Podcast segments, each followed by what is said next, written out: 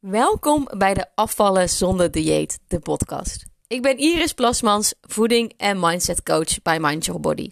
En ik help vrouwen met afvallen zonder gedoe. Wekelijks komt er een nieuwe podcastaflevering voor je online, waardoor jij eerste stappen gaat zetten naar blijvend gewichtverlies zonder dieet. En vandaag, in deze podcastaflevering, ga ik je meer vertellen over het switchen van emoties. Herken je dat? Je bent de hele dag verdrietig en teleurgesteld en je voelt je eigenlijk de hele dag ellendig. En vaak heeft daar een kleine aanleiding voor nodig geweest. Bijvoorbeeld een vervelende opmerking van iemand die je, die je lief is. Nou, deze situaties die heeft iedereen. Maar wat heel erg belangrijk eh, voor jou is, is om te weten, is dat een emotie maar 90 seconden duurt. Laat het er even op je inzinken. 90 seconden duurt een emotie. Maar hoe komt het dan dat jij heel de dag verdrietig, ellendig en het gevoel hebt dat je alleen maar onder een dekentje wil liggen? Hoe komt het dan als die ene emotie van, van verdriet en wanhoop maar 90 seconden duurt? Dat komt door je gedachten.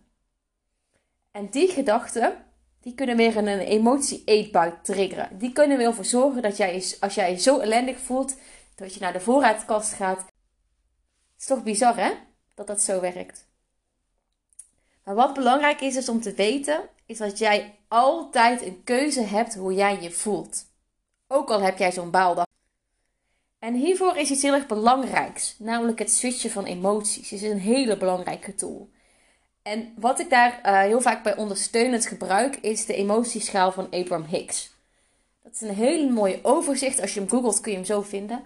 Maar Abraham Hicks is een onderzoeker. En die heeft uh, alle mogelijke emoties die wij maar kunnen bedenken, heeft hij in een schaal gezet. En onderaan staat bijvoorbeeld angst, uh, uh, depressie, wanhoop, machteloosheid, slachtoffer.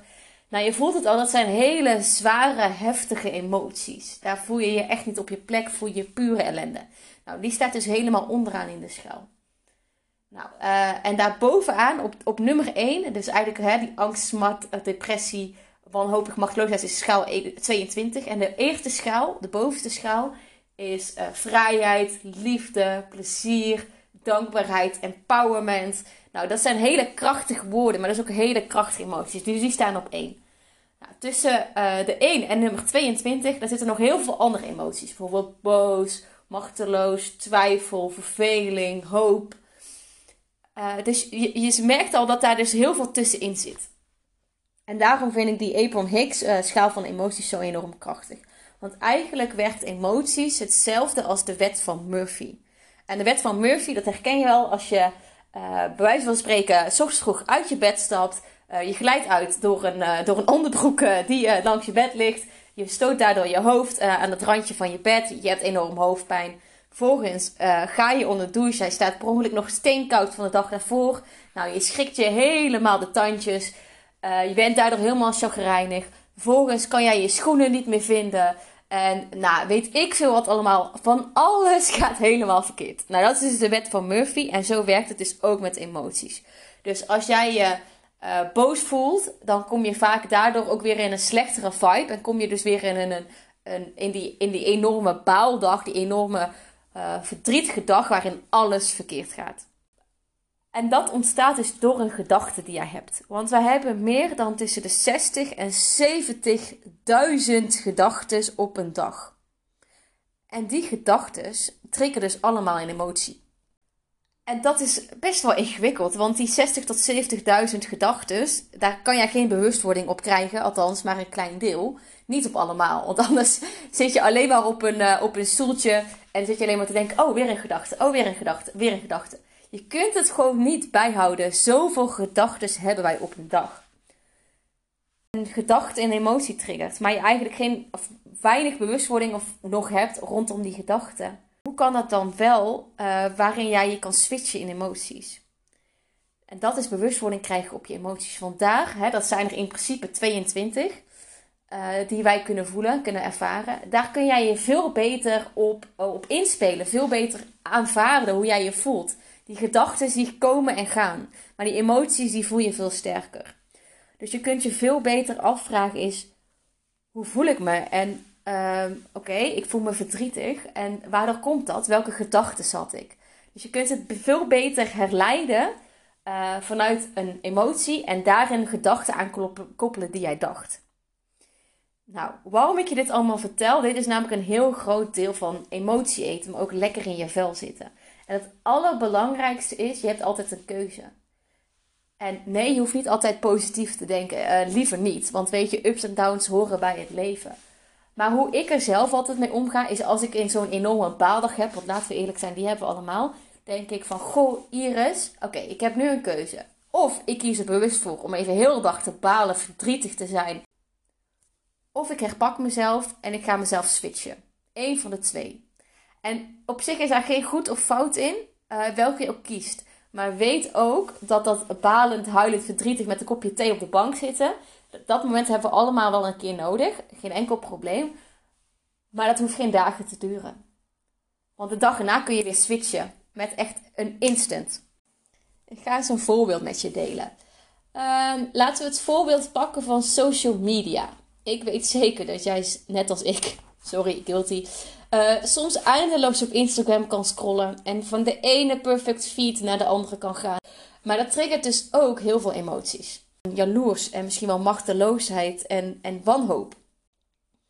Misschien kun jij andere gedachten krijgen daarom, waardoor jij je iets beter gaat voelen. Onzekerheid is nog steeds geen hele fijne emotie, want we gaan onszelf daardoor eigenlijk meer in de, in de put praten. En tuurlijk, het is nog steeds niet fijn.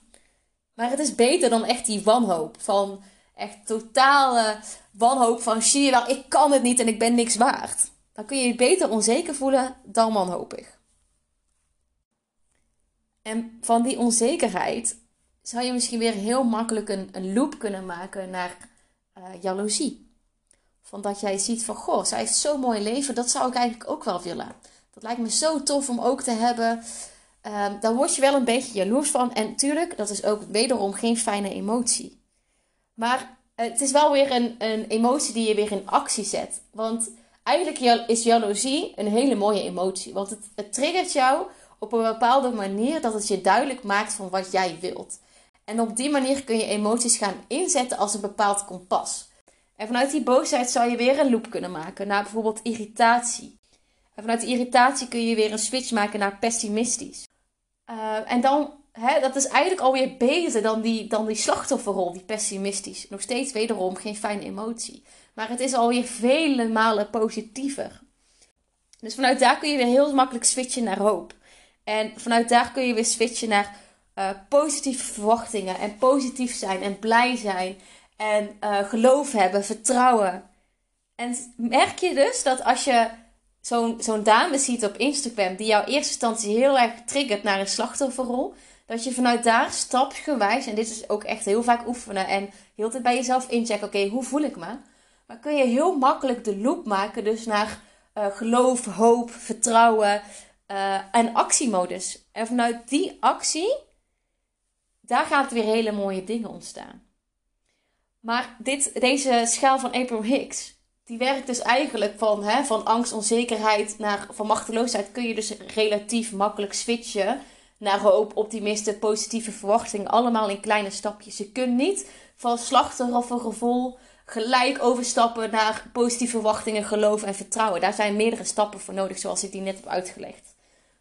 Maar wat wel interessant is voor jou om te weten, en daar komen de stukjes gedachten weer uh, bij voor, is dat het zowel positief werkt, deze Abraham Hicks schaal, maar ook negatief.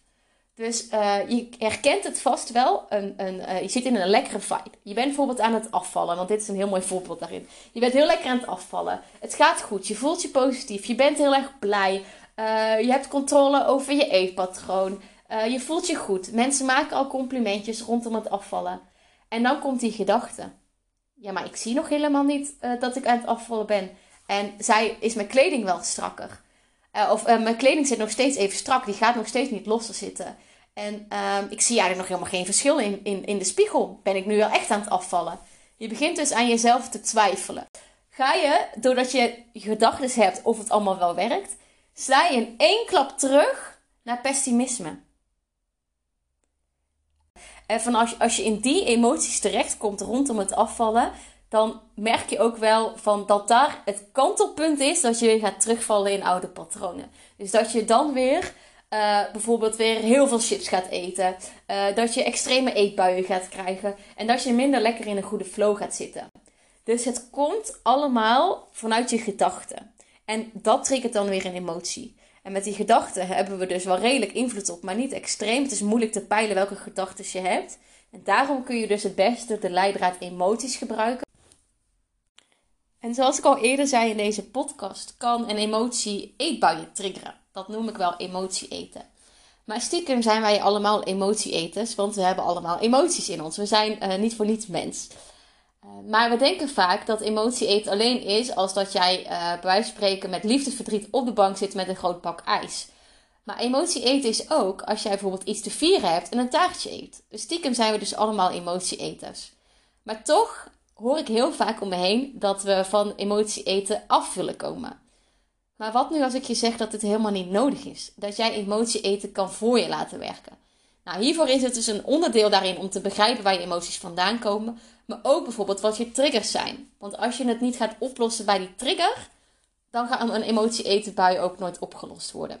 Want een emotie-eetbui is ontzettend krachtig. Want het zegt ontzettend veel waar je mee aan de slag mag gaan.